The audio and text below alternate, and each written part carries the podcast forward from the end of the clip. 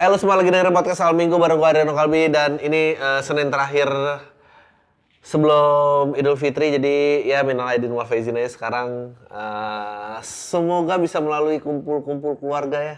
gue nggak tahu ya, gue sih nggak suka kumpul-kumpul.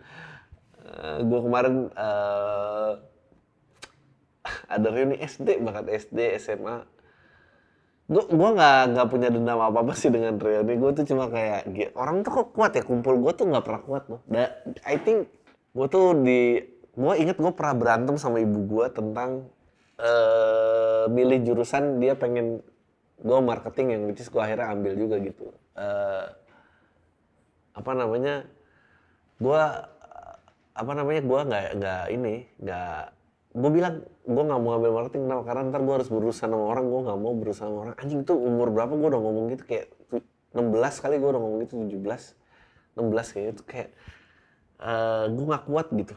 Eh gue nggak kuat dan kayak ap- apa apa yang mau diomongin lagi gitu. Semua udah diomongin ya. Eh jadi gue tuh sebetulnya gue nggak depres tapi anjing gue nggak depres tapi itu ya.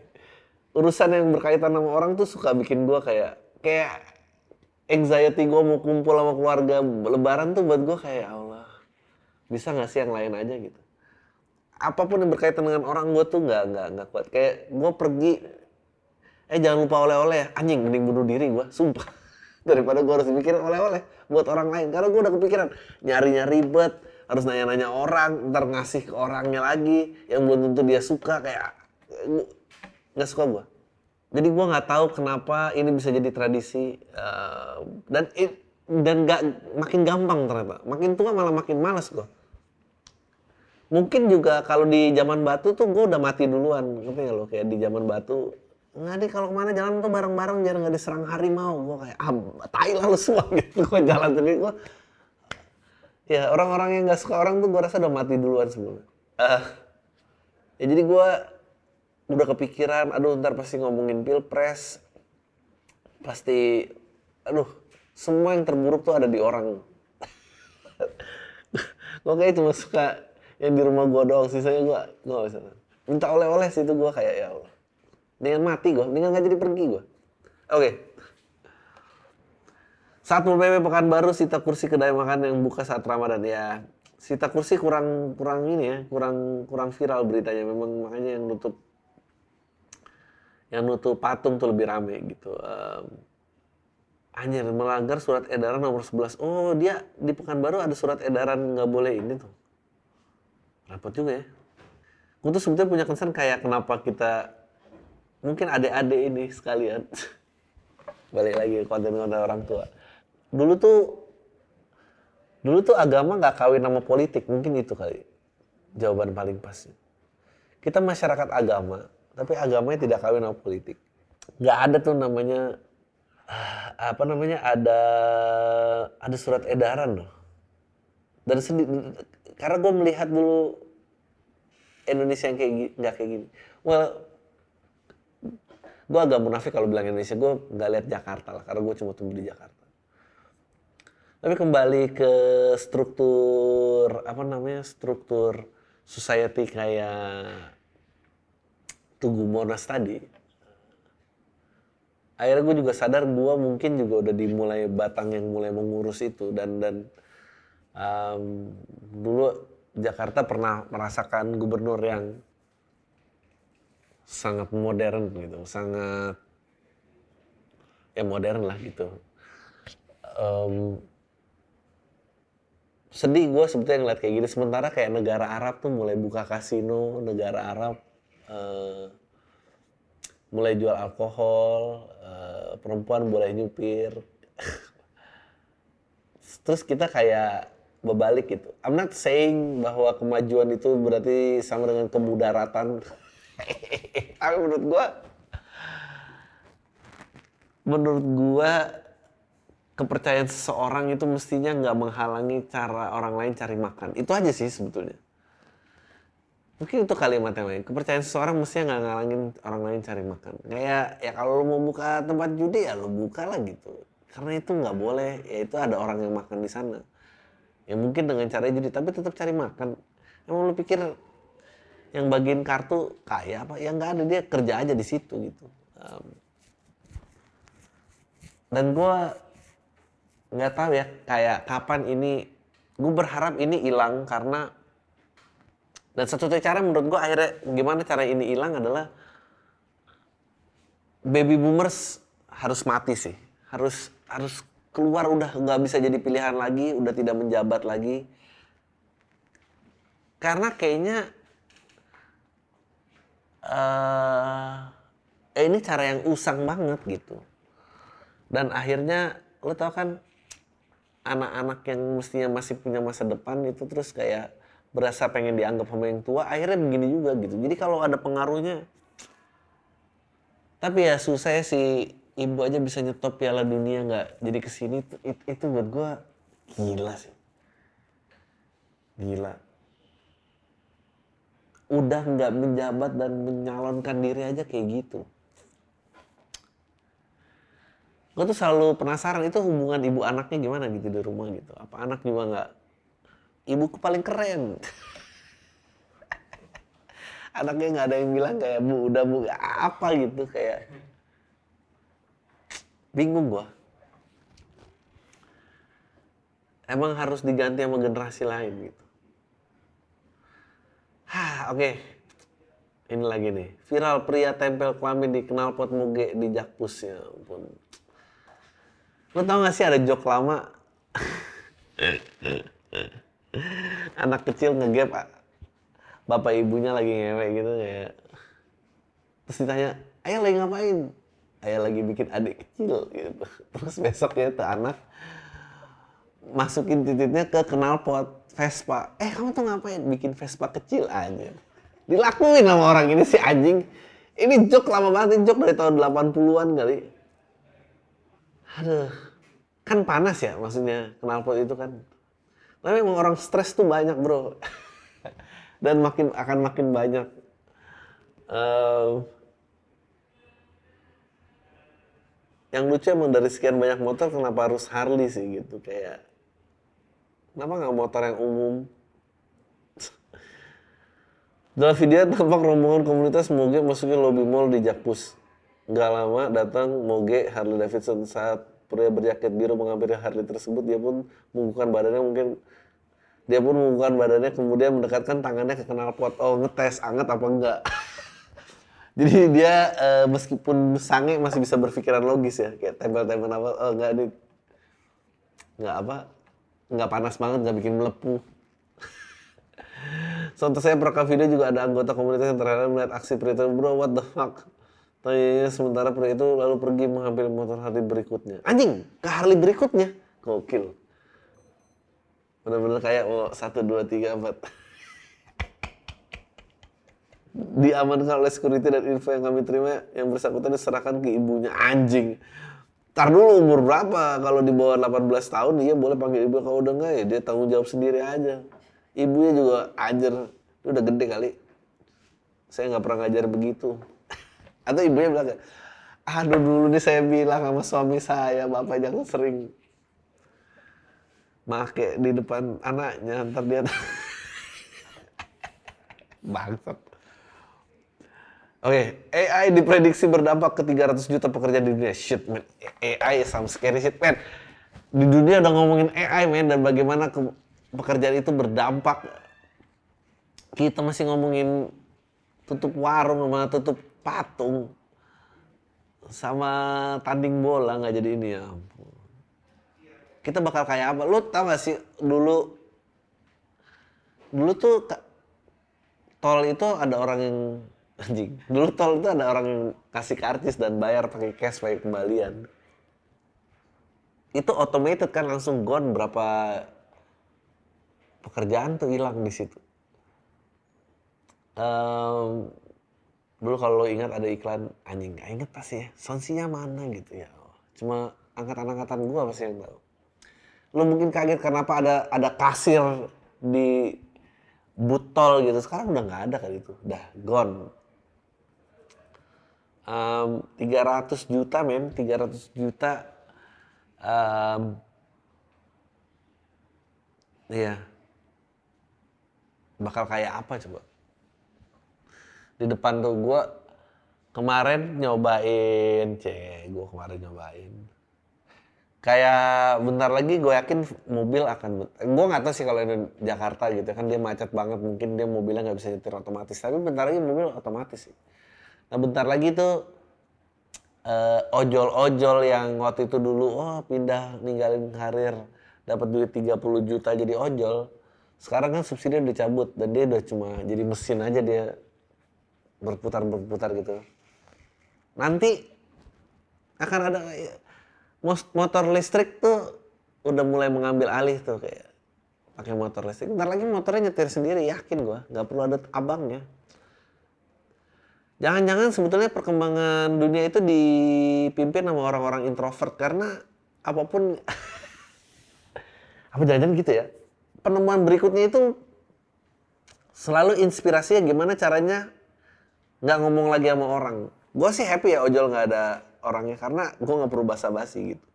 Tapi gue kasihan sama orang yang cari makan. Tapi kira-kira kayak gitulah. Kayak inspirasi teknologi adalah gimana hidup yang annoying ini tidak annoying gitu makanya di Jepang kan otomatisasi itu kan eh, tinggi banget gitu. Em, makanya akhirnya eh, ketergantungan dia akan orang lain juga rendah, terus akhirnya menjadi masyarakat yang angka kelahirannya lebih rendah daripada angka kematian. Gila dia nutup-nutup stasiun kereta, nutup sekolahan. Bahkan ada program eh, transmigrasi pemerintah untuk netapi, nempatin rumah-rumah yang dianggurin gratis. Gila nggak lo? Lo kalau nggak bisa punya rumah lo ke Jepang aja, tapi ya daerahnya jauh. Biar daerah tetap hidup. Ini, ini menarik banget. Ada ada ada penelitian bilang bahwa oh kenapa sih banyak banget sekarang orang yang awkward awkward socially awkward yang mau nyapa perempuan eh, nggak nggak bisa gitu nggak bisa ngajak ngomong perempuan nggak bisa ngajak pacaran apa segala macam. Karena manusia tuh hubungan karena manusia tuh belum pernah mengkonsumsi bokep sebanyak ini gitu. Kayak dan ternyata ada hubungannya. Semua lelaki pasti awkward kalau mau nyapa perempuan. Tapi kehorniannya itu melampaui keraguannya dia makanya dia berani berkenalan. Dan itu memang ada drive primal gitu ada primal di dalam manusia. Em, yang akhirnya menekan anxiety kita dan bisa berkenalan karena punya tujuan lain gitu yaitu dalam hal ini berkembang biak. Nah ngomongin automated tadi ya konsumsi ya itu eh, hasrat seksnya kita kan diotomatisasi oleh konten gitu. Dan dan itu membuat orang-orang manusia socially awkward. Kayak yang nyelupin titit ke knalpot itu lu pikir dia nyapa perempuan? Nggak akan. Dia pasti nggak punya teman perempuan yakin gua. Atau kalau pernah punya pun cuma temenan lama dia akhirnya ngaku suka terus ceweknya bilang ya tapi aku cuma anggap teman. Dia mulai masuk masukin titit ke knalpot anjing sedih banget ya. Kalau ternyata orang yang masukin titit ke knalpot itu dianggap cuma teman sama sahabatnya ya. Ah. tapi that's that's the that's the world we live in. Eh, 300 juta pekerjaan yang hilang tuh ya itu memang udah yang berikut aja lah. Eh, karena juga lo buat lo butuh apa pekerjaan kalau lo nggak bisa nyapa perempuan? The only reason gue bisa achieve mungkin lebih dari setengah yang gue achieve sekarang tuh karena hasrat mendekati perempuan. Lo kalau nggak nggak ada gunanya lo apa, gunanya? Lo pikir jabatan ada gunanya? Pikir duit ada gunanya? Mobil bagus ada gunanya? Kita tahu karena ini kayak Andrew Tate lah. Kira-kira kayak gitu. Nah, ngomongin Andrew Tate itu juga lucu banget. Eh, Elon Musk tuh ngebully ya kalau nggak salah gue liat di TikTok. Gue nggak ngerti kenapa orang masih eh ngomongin Andrew Tate eh, dia emang pernah apa gitu terus kayak si Elon Musk ngebully Andrew Tate bilang "Lu ngapain sih orang dia di penjara juga emang dia siapa pengaruhnya apa? Terus Andrew Tate ngebalas bilang according to multiple sources kekayaan gue tuh 700 juta dolar atau berapa gini gini gini gini gini gini. Hah? 700 juta dolar dia bilang gue sih bisa ngabisin itu dalam dua bulan katanya anjing banget. Terus dibalas lagi that's not important What's important is what's your color of Bugatti. What's the color of your Bugatti. Terus kata dia, gue nggak punya mobil Bugatti kata Elon Musk. Tapi ini bohongan apa enggak? Gue gue lihat di TikTok lah, TikTok sumber kebenaran gue. Terus dia balas, enggak gue nggak punya mobil Bugatti. Sih, gue punya. Terus dibalas lagi, gue punyanya perusahaan Bugatti. Anjing. Terus begitu, since when? Since now, dikasih link berita. Elon Musk just bought a Bugatti anjing. Now since uh, gue sekarang on Bugatti dan Twitter, tapi karena gue on Twitter, I can do anything with your profile, anjing. Profilnya ini ada avatar baru, avatar ini penjara si anjing, ditaruh di Andrew Tate si bangsat. You know, ini ini prediksi gue akan masa depannya. Feeling gue, Elon Musk itu nggak akan menjadi kayak kan mungkin orang-orang takut kalau dia mengawasi platform free, apa free speech seperti Twitter nanti yang mengawasi dia siapa gitu. Orang-orang takut dia ntar akan menjadi diktator apa yang pasti dia akan eh, kan orang bilang eh, apa absolute power corrupt absolutely dia pasti ntar juga cuma tinggal masalah waktu sampai dia akhirnya corrupt juga dan dia mulai menyunati free speech yang kita junjung tinggi nih. Feeling gua nih feeling gua ya dia nggak akan tergoda dengan power of free speech karena dia udah punya duit yang banyak banget. Dia akan bikin Twitter automated. Orang nggak akan tahu bahwa ntar cuma AI yang ngejalanin Twitter. Dan Elon Musk-nya udah meninggalkan planet bumi. Lalu ntar ada generasi yang tumbuh dengan bahwa kalau ada kayak Tuhan yang maha mengatur, yaitu si perusahaan Twitter ini. Atau semualah Tesla, Twitter, dia bikin Bugatti kan. Jadi karena Tesla itu kan perusahaan data kan. Jadi ntar hidup manusia tuh damai banget dan manusia berusaha bertanya, be- akan bertanya lagi siapakah Tuhannya? Siapakah yang mengatur ini semua? Ntar dia cari ujung sampai muara sungai dan itu cuma robot yang ngendaliin sistem ini semua. Dan dia kaget anjing ternyata ciptaan pencipta gue yang ngatur ini semua cuma robot. Karena manusia udah jauh. Gue gue yakin. Dan ini kalau nggak kayak gitu Elon Musk ini bisa jadi judul film juga gue yakin. Percaya sama gue dan ini akan jadi bukti kemanusiaan terakhir. Gue percaya sih dia nggak akan tergoda. Dia cukup dia orang yang cukup gila bisa mewujudkan itu karena dia udah ngomongin tentang eksplorasi ke bulan lah eksplorasi ke Mars lah SpaceX. Ntar manusia tuh cuma manusia-manusia kaya hidup di tempat lain dan ini orang miskin-miskinnya ini tinggal di dalam sistem. Tapi miskinnya juga udah damai ya kayak nggak ada rasisme nggak ada apa. Kayak ya udah gitu aja. Oke dan kita masih ngomongin tutup warung ya. Oke kesal ditagih dukun pengganda uang di Banjarnegara bunuh korban. Ya lucu banget. Mana katanya nandain duit? Sabar mas. Saya bacok juga nih. Ah lo emang tukang tipu bacok. Tapi emang eh, yang appealing tentang dukun ya gitu, gitu duit tuh berharga banget sampai orang tuh susah banget gitu kayak nggak ngomongin duit. Jadi kalau ada kayak ah bisa gandain duit semua orang pasti luluh gitu. Ya udah. Udah modus yang dipakai berkali-kali gitu. Gue penasaran siapa penemunya. Dukun pertama yang kayak saya bisa lo gadain duit ibu. Hah iya gitu. Abis itu diceritain ke muridnya ke muridnya. Udah kayak agama ini. Belum ada yang bunuh ajarannya. Jalan terus dan berkembang terus pengganda uang di Banjarnegara Jawa Tengah TH 45 tahun alias Mbah Selamat membunuh korbannya PO 53 gokil. PO adalah warga Sukabumi. Hasil ber- terungkap bermula pada Senin. Anak dari korban PO dan GM mengapor kepada kepolisian yang kehilangan ayahnya gokil. Dia ajak ketemu dengan ayahnya dan pelaku TH di Wonosobo. Korban diketahui sampai di Banjarnegara Kamis 23 Maret 2023 menggunakan kendaraan wuling hitam. Sampai di rumah pelaku korban sempat berkomunikasi dengan anaknya yaitu SL mengirim sebuah WhatsApp yang isinya sebagai berikut. Ini di rumah Mbak Selamat buat jaga-jaga kalau umur ayah pendek misal tidak ada kabar sampai minggu langsung hubungi aparat gokil. Kalau udah feeling kenapa nggak pulang dong? Berapa sih duit yang ditagih? lebih rela nagih duit daripada tambah waktu dengan anaknya apa gimana ceritanya? Oke lah, itu aja berita-berita uh, minggu ini. Uh, kita langsung aja ke email-email yang udah dikirim. Jadi uh, bagi yang mau ngirim, kirim ke podcastalminggu at gmail.com nanti. Kalau Anda beruntung, saya akan membawakan berita dari Anda. Boleh nggak sih yang ngirim jangan 19 tahun? Ya. Mokondo, oke. Okay. Bang mau nanya Poyofilo, menurut lu kenapa ada istilah Mokondo, tapi nggak ada istilah Motemendo? Anjing, modal tete. Goblok banget orang kalau bisa dijawab di podcast. Uh, ya karena society mengajarkan lelaki harus bisa memberikan lebih dari itu. Tapi kalau perempuan apa ya?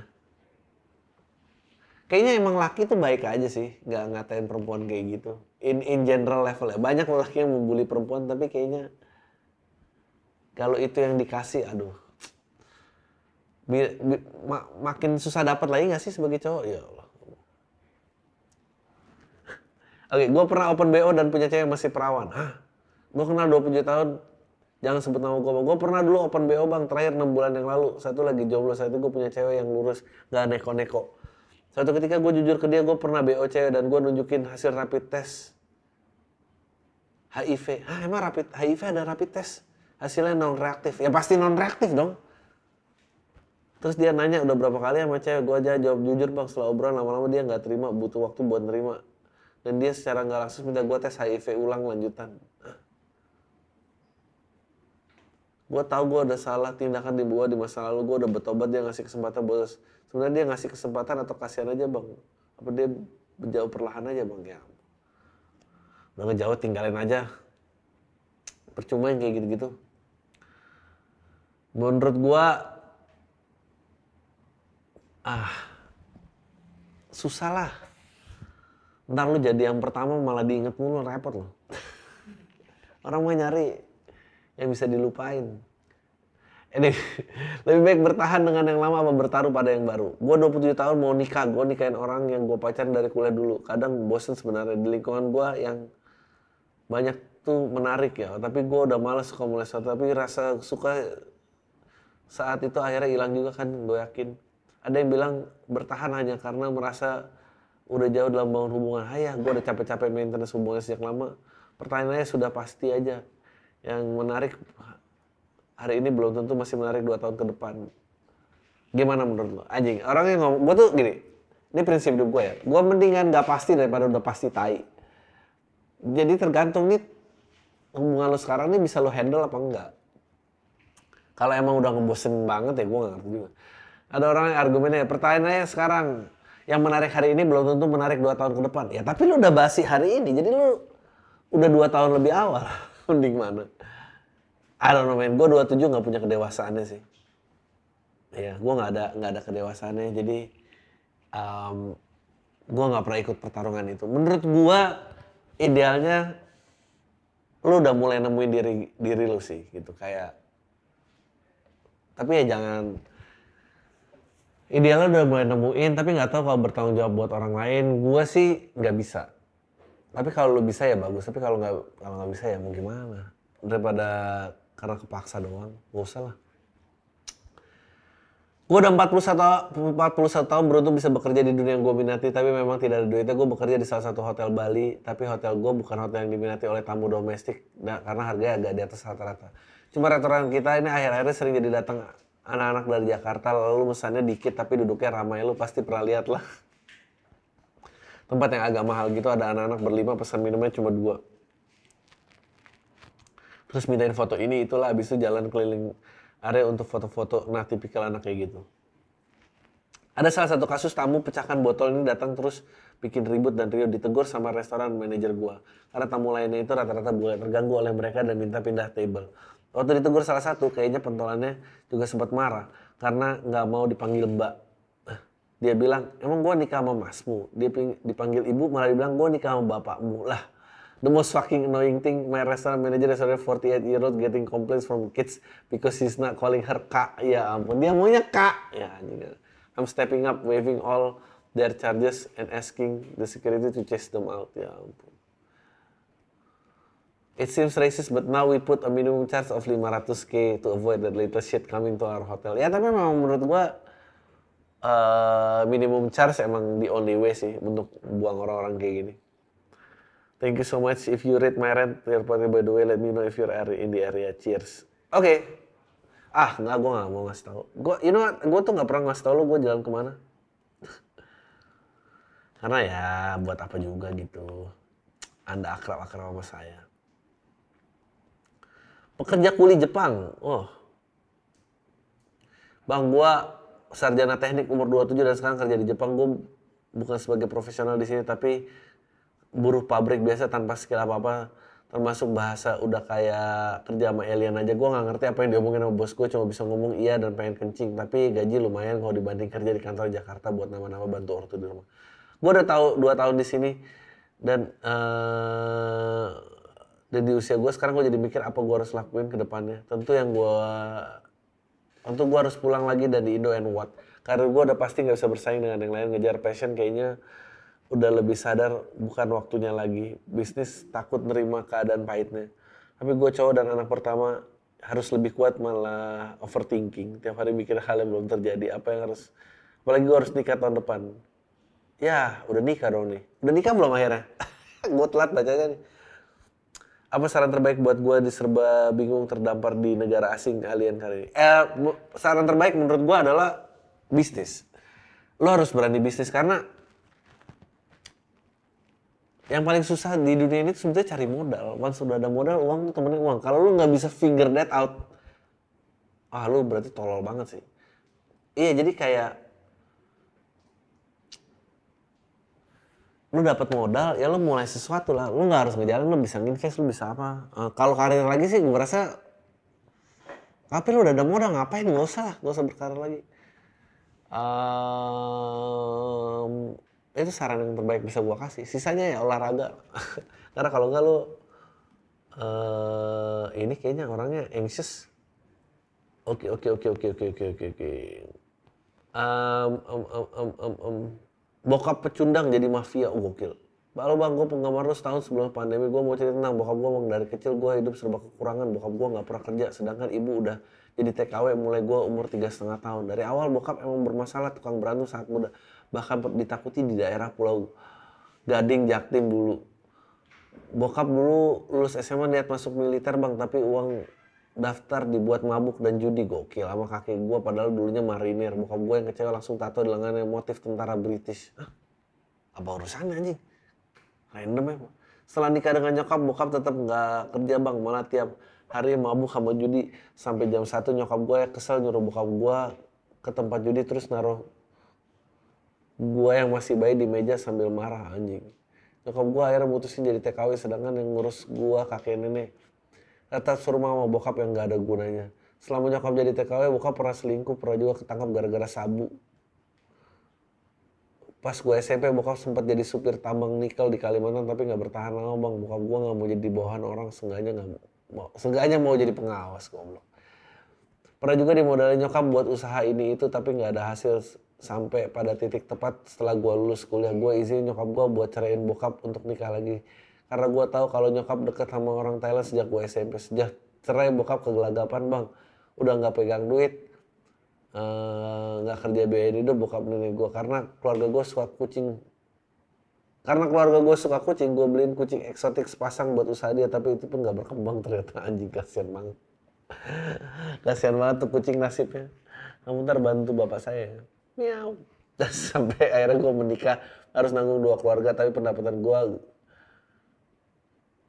nggak berat berat nggak berat banget sih. Bokap gue mulai tua dari kerjaannya main sama temen SMA-nya bang. Ya bahkan bilang kalau temennya lebih dari keluarga gue yain aja. Tapi dia akrab sama satu temennya yang abangnya tangan kanan mafia besar di kota gue bang. Si besarnya punya bandar judi besar merambat ke pemilik hiburan malam terbesar sampai akhirnya mafia tender. Rumornya bos besar ini biayain kepala daerah, rumornya jenderal militer pun berlutut ke depan rumah orang, di depan orang ini. Bokap gua akhirnya direkrut sama temennya bang, sampai dibuatin CV fiktif atas nama bokap buat melancarkan usaha bos besar. Sekarang tugas bokap untuk ngawasin pembangunan jalan di seluruh daerah gua bang. Lobby sama Pemda sama wartawan sama LSM rese. Ya gua sih dukung aja bang selama orangnya mandiri, orangnya juga udah berhenti ngobat dan judi, mabuk juga kadang-kadang ya. Ya bagus lah kalau ujungnya hidup bapak lo ada gunanya. Daripada ini. Ah, oke. Okay. Mau tidur sama pacar tapi terhalang waktu. Gimana bang? Rasanya masuk jadi mainstream, masuk channel YouTube Om Deddy. Ya, gue ingat lu dulu ngata-ngatain di podcast akhirnya benar ketemu sama dia. Gini bang, gue cowok 21 tahun, pacar gue 22 tahun. Pacar gue ini udah kerja, sedangkan gue masih mahasiswa. Kebetulan banget kita kami ketemuan di bulan April karena dia udah kerja satu kota sama gue sebelumnya dia kuliah di luar pulau sama kayak bulan April Agustus ya kami pacaran kayak orang pada umumnya tapi belum pernah check in terus karena akhir bulan Agustus gue mesti balik ke kampus yang ada di luar kota gue mencoba melobi dia untuk check in tapi dia bilang no bang dia bilang dia mau check in setelah gue balik nanti ke kota gue setelah gue kuliah jadi gue bisa nahan nih oke deh bang by the way bang ini pacar udah lama banget. Gue boleh dengar gak lo impersonate gue nggak? Gue ngajakin cekin pacar gue terus waktu itu kami ketemuan setelah gue kuliah buat nagih dia untuk check in ya ampun. Kamu ingat nggak waktu itu aku pernah punya ide? Ngajak kamu bermalam di itu loh hotel yang kamu sering post instastorynya kalau aku udah lulus kuliah nih atau ambil jatah sekarang gimana? Ya, goblok. Aku mau ya. Goblok. Oke, okay. menghamili istri orang gokil. Uh, baca podcast mudah-mudahan dibaca. Jadi gini bang, aduh ini maaf ya. Ini emailnya Agustus 2022. Mungkin anaknya udah lahir ya. Gue nulis podcast lo dan mudah-mudahan dibaca. Jadi gini bang, tiga bulan yang lo mantan gue yang sudah menikah ini nge-DM gue. DM biasa lah basa-basi. Yang akhirnya berlanjut ke WhatsApp dan dia curhat kalau suaminya pelit dan abusif. Pokoknya suaminya nggak baik lah di kepala gue dan katanya dia mau cerai. Kemudian hubungannya berlanjut sampai akhirnya kita sering ketemu dan akhirnya pacaran. Ah, pacar. Gue punya sahabat dan seiring berjalannya waktu sahabat pacar gue ini mulai tahu soal hubungan kita. Dan sahabatnya bisa dibilang nge-support karena sahabatnya tahu soal rumah tangga si pacar gue ini lanjut pacar gue punya saudara cewek yang kenal sama gue karena dia pacaran sama temen gue pun akhirnya tahu kalau kita berhubungan lagi dan menurut gue gue mendapat respon baik-baik aja karena dia sempat bilang cie CLBK pas gue lagi video callan oke okay. Masalah muncul ketika saudara ini ngechat gue ngomong panjang lebar yang intinya saudara ini mau kalau hubungan gue sama adiknya ini harus di stop karena pacar gue ini mulai nunjukin kalau dia beneran mau cerai sama suaminya. Dia mulai ngancam-ngancam gue juga. Dia juga pesan kalau obrolan kita nggak boleh sampai ke pacar gue si adiknya. Akhirnya gue ngambil kesimpulan kalau keluarganya ini nggak nge-support pacar gue ini untuk cerai. Jujur bang, gue sayang sama dia. Gue mau ngelanjutin hubungannya sampai dia cerai. Tapi malam itu gue mutusin pacar gue padahal hubungan kita baik-baik aja yang akhirnya pacar gue ini sama sekali nggak mau putus. Dia sampai nangis-nangis memohon agar hubungan kita tidak berakhir. Yang gue lakukan selanjutnya adalah ngelanjang enggak deh gue ngelanjutin aja ngeblok dia di semua sosmed agar dia nggak bisa ngontek gue lagi. Oke dua hari kemudian sahabatnya ngechat gue ngomong kalau pacar gue ini hamil anak gue beserta buktinya. Ya kita emang udah sering having sex. Dan pacar gue ini katanya udah lama nggak pernah berhubungan seks sama suaminya dan mengharuskan dia nggak boleh ketahuan sama suaminya kalau dia lagi hamil. Gokil. Walaupun gue masih 50-50 nih bang, soal siapa bapak anak ini. Dan uh, bapak dari anak ini adalah, ya, um, sebagai pertanggung jawaban gue, gue akhirnya balikan dan siap ngebantu dia untuk keluar anak itu karena dia nggak bisa nyimpen dengan alasan bukan anak suaminya bla bla bla seminggu kemudian gugur anak itu maafkan saya Tuhan oke akhirnya hubungannya berlanjut lebih rahasia lagi daripada sebelumnya. Cuma gue sama dia doang yang tahu. Gue melanjutkan hubungan ini karena pas dia hamil gue merasa gue harus mendampingi dia dan pas udah keluar gue nggak bisa tiba-tiba mutusin dia. Memang sebetulnya harus ada batas waktu yang wajar ya gitu. Habis tindakan itu dilakukan berapa lama ya gitu.